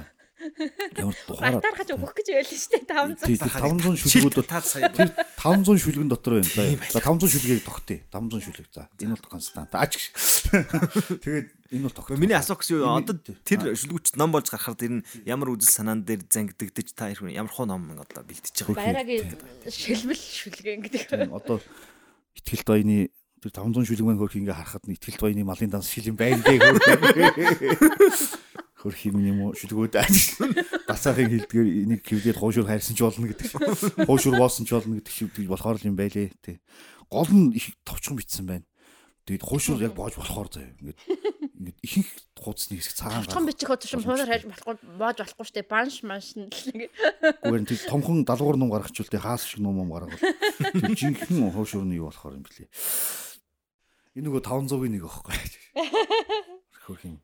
Ухаарлын үүргээ шилхэн ш. Бөхтөр хээрийн олмыг хөгшин аав минь чангалах шиг л бөөрөг толгодын дундаа дөрөө харшуул шогших шиг л тааны үнэртэй салхинд самсаа ширхрэх шиг л талын жаахан сууринда шөнөөр очсон шиг л сансан чинээ сансангүй явж гэн утга санана гэдэг нь нухта ухаарлын үр юм да омголон занг цаг хугацаа голын чулуу мэт мүлийлгэж ор залуу насны хаалга ард минь уйтайхан хаагдахад нар цонсон элсэн дээр хөл нүцгэн гүйсэн насад холын дуртгал сэтгэл ороох юм урсан алдах анш- ансаг гашуу оргуулна уйран хайлах чухта. Ухаарлын үр юм да. Умар толгодын өвөрт ихэлсэн нэгэн үлгэр. Ухаан бодлыг нэвтлээд эргэж тэндээ шингэн. Царин хэцийн элсийг сэтгэлдээ имэрч суухад цаг хугацаагч хамаагүй ялж болмоор санагдана. Эрг хөөнд нь дуулахт дариглан ундрах булаг мэт. Эр зоригч ухта ухаарлын үр юм да за Бүр шүлэг байгаа лөө. За. За багет гэж шүлэг уншаа. Би яг 500 шүлэг дотор тоосон чинь нэг 20 гаруй хоолны шүлэгтэй юм лээ. Тэрний маань тэрхүү урын сангийн маань нэг нь одоо багет гэж шүлэг байна. Юу лээ Балтбрын дуутай ямар өглөө утаас ихсэрхэд Хаврын- хавар хавар олон гэж. Болжмрын жиргээ тагтан дээрээ борцны утаас ихсрэхэд хаврын тэнгэр тунгалаг гэж. Энэ бол тунгалаг гэж хүүхний тухай шүлэг биш байгаа. Энэ бол тун өлссөн оюутны шүлэг байгаа. За Борцны хавуудыг бүр ихсэрдлээ өлсчихсэн. За тэгээд багет гэж шүлэг уншаа. Энэ маань одоо миний хоолны боловсрол хичнээн одоо дээшилснийг одоо намайг тэр байтугай багет гэж юм яривгтай ийм орцтой талахыг одоо өөрөө гардан хийж чаддаг болсон энэ миний галтгооны ур чадварыг зарлан тунгахсан шүлэг гэж ойлгож явдаг юм. Ихнэр авахд бэлэн болсон гэдгийг. Эхнэр авахгүй хатж бэлэн болсон гэдэг юм. Давхар дамаа ийм утгатай байдаг бахан шүлэг гэдэг маань хөөхдөд минь. За. Чи хүн зүгээр шүлэг уншиж би бооршоо уншиж ч тэгээд. Сүүл поош шүлгээд бас шүлэг бичсэн юм. Шууд шууд. Номон дээр бас одоо энэ солонгос хоолоор хідэн шүлэг дагж Вьетнам бичвэ. засварын ахан дүүстэй зориулаад Мүлгөөгүй мүлгөөгүй гоё шүү. Одоо солонгос хоол тэгээд По Япон по хоол. шүл бол зүйл их сайн- сайн болсон гэж бодож байгаа. Тийм байна. За. За багет гэдэг шүлэг. Одоохондоо намайг охид хүүхнүүдтэй уулзаж учрах, давраад бүр гэргий буулгах бодлоос илүү галын өрөөнөөс бичгийн ширээний зүг уулгалан ирэх саримстай багетны сайхан үнэрл хамгаас илүү баясгаж байна. Францчууд хэлбэрдэж чаддаг хүмүүс. Модернизм магадгүй тэдний хувьд цагийг нь олсон хошигнол, цэгийг нь олсон хэлбэрдэлт байж урлагийн түүхчид одоо болтол тэр хошигнолыг утга авцалтайтай нарахгүй задлан тайлбарлаж өнөө цагийн залхуу зураачдын өрөвдмөр нимгэн зохиомжтой зургуудыг ямар нэг зүйл үзэгдэл феномен болгохыг оролдох юм. Сүүлдээ бүр галзуурч гартаарсан бүхнээрээ хог үйлдвэрлчгээд галерей рүү зөөж хийсэн чихсэн 9 шидийн ёр далалмрууд хийсвэрийн нэр төрийг шороон тутах болжээ. Тэднийг ингэж тэнглэхийг хараад модыг бүүд оромжил Пикассог буугата, Делиозыг тайван орхи, Аполлинер авснаасаа босоод ирэхвэ гэж хашгирмаар барьж яваа багетаараа байлгаад авмаар болох юм. Тийм ээ. Саримстай багет. Хатсан багетийг шинхэн боорчтой хүртээд үзээрэй. Сонгодог хостол. Юм бүхэнд тайлбар үлдээхийг хүссэн Ленин Сартр хоёрын бичих донг санагдуулам орон бүхний пролетаруудын оройн хоол нь чухам энэ мөн төгсгөлд нуучлаарай ганц улс төрччихье тэр Францын багет талах энэ манай коммунист нам хоёр энэ жил адилхан 100 нас хүрч байна. Ялгаатай нь багетийг эгэл талахчин бүтээсэн. Харин манай коммунист намыг урагшгүй ядуу амьдралдаа дэлхийн ертөнцийг буруушаасан. Улаан галзуу большевикууд водка унга байгуулж өгсөн юм да. Хаалтанд ийм бодолтой хүн хөөрхий ингээд багет үнэрлээд сууж байхаас ч яах вэ? За. За баярлаа. За баярлалаа энэ баян нуур гэдэг шүлэг байгаа шүү. Баян. Наа чи жоохон нэгтэй шүлэгч. Яа тий тэгэл гонигтай далж. Гонигтай шүлэгтэй. Навар гониг л орсон. За энэ Монголд олон баян нуур байдгаа. Гэхдээ миний нутагт бас нэг баян нуур байдгаа. Тэр баян нуурын тухай. Увс аймгийн зүүн говь сумын эсний баян бүрд баян нуур гэдэг шүлгийн тухай. Тэр нуурын хөвөнд бичсэн шүлэг байна толгой саягсан хүлгийн сэрүү тэмцсэн туурайд тогтун мэлтих тэнгэр тол шиг цуурав. Ханаж дуурсан бодол цалгих мэт болоод хагар туссан тэнгэрийн гүн рүү хийсэж одов. Цусар салхины хөлөөр хилгүй хилгүй долгис босгосоор зүхтах мэт одовч түргэлэн ирэх ус минь залгисан үг бүхнээ чулуу мэт тээсээр ирж цалгисан мандалд нь үүчгээд уужрлаа шүү. За энэ би нэрнийхээ аль нэг хэсэгт аль нэг үсгэн дээр амьсгалыг нь тээж яваа гэж боддог миний амьда. Яруу наригч гамбалтын баяр байсан. Баяраас болж битсэн. Хорооллын маш гэрийнхэн араар алхаж явах та. Баярынхаа цонхыг хаа нэгтээ олоо арчихсан гэж бодож явахдаа битсэн шүлгээ. Борооны хэлмэр. Гонихыг би мэдэхгүй. Тийм үгийг сэтгэлээс минь ирвч болохгүй найдвар тасрахыг харин мэднэ. Навчис шарлахад дарсны дон хөдлөх нь бугын дуудлаглуга байгалийн зөн байгалийн зан. Өөр лүгээ өнгөйвэл гоник төрнө гинөө. Өө тийш түн шиг шин янгууны үг үгүй.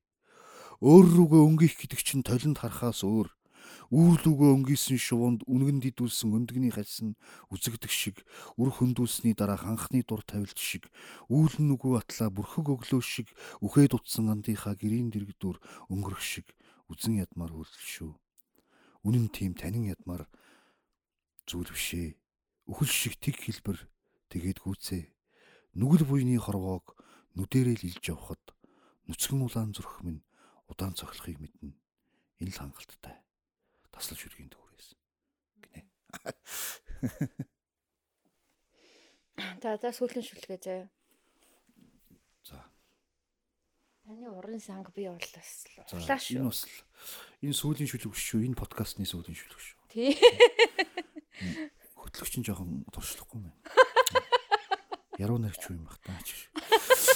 За энэ багштай зориулсан амьдрал гээд найрлалын уналт гэдэг хэсэг байна. Батгой багш. Миний багш. Зүгээр л Джеймс Бондын удаах ангийг хүлээж үсээ арга шилсээр уснаас гарч ирэхэд нь үнэн сэтгэлээсээ догтлон дууалтдаг үзэгч байж үсгсэн. Гутлан л тосгүй тоосгүй бол сэтгэлийн ачаа хөнгөрч гулялж алиалж амьдэрдэг гуниггүй хүн сүргтэй очихсон. Зожгорч ганцаардсан үгс Мөсөн бүрхүүлтэй бяцхан тойроос мэд дотор гүйлдэж зожгирч ганцаардах хүслийг гжигдэх тусам зожгирч ганцаарднам. Олон үйлдэлтэй цахилгаан багж эсвэл оролт гаралт бүхий улс төрийн тогтолцоо мэтэр бие төсөөлж төсөөлөлд оргосон дөрүүдтэйгээ Плато мэд цэцэн яриа өрнүүлж ийм маягаар цаг гаруй ярилцсны дараа ихвчлэн өөрөө өөрөө л өөрөө л яриад суугаагаа анзаарахад ичхүр бус инээд баясал төрнө. Энэ хүртэл бичсэнд минь эрүүл ухаан агшин зүгүүг мэдэж байвч энэ маягаар би Илиадаг бичсэн ч чадхаар байна. Азгүйчүүдийн бурхан байдаг бол одоо л намайг сонс азгүй улам азгүй шүлгч болгож хайрл. Би нөгөө баярагийн шүлгүүдийг ингэж боддог байхгүй. За яг подкаста төгсөхийн өмнөх шүү зэ.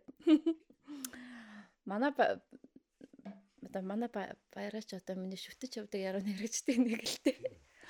Тий. Та бол эхний 3 дотор байгаа шүү. Аа тэр нь сонирхолтой. Юугаа оруулаад байгаа. Гадаад гадаадууд нь орж байгаа юм. Монголоос юм аа. Монгол талаас 3 юм уу дэлхийдээ 3 юм бас чухал байна шүү дээ. Ямар ч ямар баясгалын чарт байлаа ч чинь сонирхолтой. Нөгөө улсын яруу найрагч дотроос шүү. Гүг улсын яруу найрагч дотор биш нэ. Улсын яруу найрагч ихний 3-т орно шүү. Гадаадуудаас өмнө. Яг бол эн чинь нөгөө их хэллээр уншиж мэдэрсэн яруу найр гэдэг бол ямар ч би хоёр дахь хэллээрээ ч юм уу эсвэл орчуулгаар олж уншснаа гүцэхгүй дээ их баясаа их нь аргагүй яг л баясаа би хажууд нэг нүдэн дээр маш олон шүлэг биш зүсэлтэй. Юунаас хараагүй зарим яруу нэр ч хэцүү шттэ. Ном зүгөө мартцсан байдаг байхгүй. Тэр чинь чи намайг харж байгаа битсэн гэсэн үг шүү дээ. Энэ хэсгийг хасээ. Юу юу ч хараагүй гэн. Тэгээд өмнө нь сууж байгаа битсэн гэн. Зарим яруу найргийн номд ялангуяа манай залуу шээ ер нь сүүлийн үеийн нөгөө интернет хөгжсөн сошиал гаруу найргийн ном дотор одоо юу болжээ. Ном зүү гэдэг бүлэг нэмэр болжээ. гэж боддгоо гэж. А тэгээд би түрүү нөгөө би баярагийн яруу найргийг ингэж боддог гэж ярих гэжсэн байхгүй юм. Миний дуртай яруу найрагч шүү та. А тэгээд би болохоор ингэж боддог байхгүй ингээд би одоо хүн яруу найр гэдэг чинь асар хувийн юм байхгүй юу? Миний одоо баяраг миний дуртай яруу нарч хэлж гэж хэлж байгаа нь зөвхөн миний л таашаалын асуудал ахгүй. Түүнээс шиг ингээд нийтэд хамаатай эд биш. Тэгээд би юу таашаадаг вэ гэхлээр би ингээд нэг тийм шүлэг мүлгээр ингээл зовлон тоочоол, уйлал, гонгноол ингээл би ингэж өвдөж гин, ингэж зовж гин гэл ингээд ахыг бас нэг надад бол нэг тийм таата санагддаг байхгүй. Тэгэхээр би баярагийн шүлгээс юу мэдэрдэг вэ гэхээр айгуу тийм. Бүр ямар ч хэцүү хүнд юм тохиосон тийм үү? Гудих уу? Гүдэс. А тэгээд юм зовлонтой байна да гэж үйлхийнхээ орон зүгээр ийм юм тохиолдлаа. Гэхдээ одоо өстой нөгөө нэг гунхийг та нар миний шүлгээс олж харахгүй тийм шин ангууд юм гэж байхгүй гэдэг шигэ. Тэг гэдэг шигэ яг тийм яруу найрах дээр тийм байж чаддаг. Тэг тийм нэг тийм амар даацтай гэх юм уу сэтгэлгээ тийм даацтай сэтгэл аа бидэнд амар хэрэгтэй юм санагдаад байдیں۔ Магтаалч юм уу тийм. Яг үнийг хэлэхэд наа чи бас яг нөгөө талаас нь миний талаас харуул үгүй л дээ. Тэгээ чи угаасаа дотор нь байж байгаа юм чи өгүүлэл байж таарч байгаа угаасаа. Чи дотор юу болж байгаа юм ээжтэй бол юусоо тэглээ инглээ гэж юм цөөхөн үйлж үтсэ. Хүн бол ээжтэй л ойлдог баг. А би шүлгэн дотроо бол дандаа л уйсан. Тий, дандаа л уйсан. Миний шүлгийн дэвтэр бол нус нулимсны альчуур шахуул байсан тий. Нөгөө галсан сүх ахын шүлгийн анализууд дундаас галсан сүх ахын тухай шүлгийн бүх шүүмж надад худлах уран санагдтал та тэр хүний цэвэр арим яруу найргийн дэргэд тэр хүний цэг шулуун авьяасын дэргэд тэр хүний өгөөмөр уутам сэтгэлийн дэргэд бол тэр хүн бол ичхүр сонжуурыг ч өөрийн сэтгэлдээ төвчж чадах тийм. Өөрийнхөөс сонжуурыг шөөр тэг хэмжээний уутам ертөнц мэд сэтгэлтэй хүн байхгүй. Тэрний дэргэд тэр хүний шүлгийн анализууд тэр хүний шүлгийн шүүмжүүд надад тэгэхээр нэр модон дайвсан саран хүчин шиг санагддаг. Тэгтээ Түүн лугаа адил. Түүн лугаа адил шүү дээ. Өөр эн чи хэлсэн сэтгэл бол миний яруу яг нас нулимсны Тэгж хажууд. тэгж тэгж хэл тэгж хэлэх гээгүй юм шиг энэ бардам биш шүү. Тэгэхэд шүү дээ. Ним очир гээд манай танил одоо төв судлаач одоо хүн байна шүү дээ. Ним очир гэж хүний үнэндээ гээ шүмж байгаа. Үнэндээ гээ шүмжин дотор нэг үнэн хүн байдаг хөөхгүй. Дад энэ бол галсан сүх бол аймхай хүн. Түүний эвлэхэг зоримог шүлгүүд бол дотоод айдсынхаа эсрэг хамгаалах үйлдэлүүд байдгаа гэж хэлсэн. Энэ бол үнэн. Энэ бол үнэн. Тан дээр бас яг үнэн үү? энэ? Энэ яг тээ Та уйлмтгай хүн. уйлмхай хүн хүн хөрхөдөө олон хүний өмнө очиж уйлахгүй бас миний шүлгийг олон хүн уншдаг гэж бодоод муга зоригтой шүлгэд ичдэг байж магадгүй. Тий. Хойрох уу?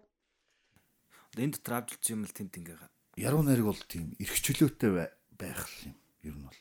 Бол тэгвэл, э, хүслүүдгээ хөө- гаргаад байгаа юм Тий шиг. асар гэхэн уйлмхай ч юм уу ингэж нурамтгай болоод э, шүлгүүд ч өөр айгу гүцхэн гарч байвал чиний зүгээр шүлгүүд чи альтер айгу чи юм биш. Ямар юу гэсэн бэ надад. Би надад сайн тайл- хайлуулж мэдэхгүй юм байна. Чи толиос харж байгааг хэлээ заяа. Зүгээр шүлэг бол эрх чөлөө тэг байх. Ер нь бол юм хөгжиж, юм дэлгэрч, юм ямар нэг юмны сонорт харагдаж ийн гэдэг бол хөгжил. Хөгжиж байна гэсэн үг. Хөгжингүй байна гэсэн үг. Тий. Манай хүн чинь дээр паблишер хүчтэй мартцсан явж штэ. Бүү бүкс. Тэ мөнхө таваргын бүх цолыг дуудах шиг болно шүү дээ. Аа. Бүр дуусч өгдгөө подкаст бүү бүксэр сонь сайхан юу вэ нэрээ? Бүү бүкс бүү бүкс маань нэлийн сонир сайхантай байгаа шүү. Хэрвээ бид энэ юу зунаас өмнө амжвал хүмүүс одоо номын хэлэг баяр царилж ном гаргадаг гэж нэг тийм ном гаргадаг хүмүүсийн нэг тийм атааны үг гарсан байна. Юу гэж дээ. Мэдээж номын баяр ном гаргадаг хүн номын баяр бол номын баяртай сууж ном гаргах нь ойлгомжтой шүү дээ. Бүх хүн хүртэл саржингаа бэлтгэл хийж байгаа л наадандаа барилж байгаа тийм шүү дээ. Ягаад ном гаргадаг гэхээр бид нэг тийм доромжлуулж суух хэрэгтэй. Тийм ха- хамаг бөхчүүд нь хамаг нэр адраа авчих хэрэгтэй биш тийм үстэй. Биднес ч одоо нэг сар За намын баярд тий. яаж номын баяр За яг яг одоо ингэ яг нийтлүүлчих гээд шүү энэ юм дээр тий. Тэгээ ингэ номын баяр зориулж биш. Биднес зунаас өмнө амжиж, зун цаалгаарч назгаархаас өмнө амжиж нэг хоёр ном гаргасан надад байгаа. Нэг нь бол одоо одоо гарч байна. Өнөөдөр хэвлэлтэн шилжиж байгаа хэвээр. Эх 7 хоногоос гарна. Энэ подкаст засагдах үед бол тэр номны чимээ шуугаан эд хотыг дөргиж байх болно. Аа яа за. манай хэвлэлийн газрын захирал нөгөө заяа заяа гэж заяаг бол нөгөө заа гэж захирал заяа заяа захирлыг олохоор ингэ толгой олбоод байгаа юм шиг болохоор За за. заяаг захирал болгоцсон байхгүй юу? Түүнээс миний тийм асуудал бас байна тий. Тэгээ заяа бат заяа гэд яруу найрагчийн одоо хүүрдэн зохиолын анхны ном хэвлэгдэнэ. Бас энэ муу. Тагтаагийн анхны нөгөө хүүрдэн зохиолын төрлөөр тагтаа прайз гэд уралдааны юун төрүүлж исэн. Намаг гэдэг үгдгэн төрүүлж исэн. Тэр бат заяа одоо манай хамтрагчийн тарган муур гэдэг юу жүжиг гэж яг хэлчих гээд байна юу. Жүжигч бас би. Юу өгүүлэг гэдэг биш. Тууж би бацаа өөрөө тууж гэж хэлсэн. Тэгээд бацаа тэр тууж гэж нэрлсэн шалтгаан нь болохоор нөгөө Гетегийн тэр туужийн тухай тодорхойлолтод өөрөө их дуртай. Тэгээд нэрлэж үү гэж харсан. Би тэр туужийг но- номыг гарсны дараа яг төрөл зүйл нь яг юу вэ гэдэг тухай бас нэг эсэмсээ бичиж бодож байгаа. Тий. Ягаад гэвэл тэр яг тууж бас биш ээ. Өөрөө туужийг гаргана тэг тэр номыг нь уншаарай. Тарган муур гэдэг ном байгаа. Мета арма юм уу?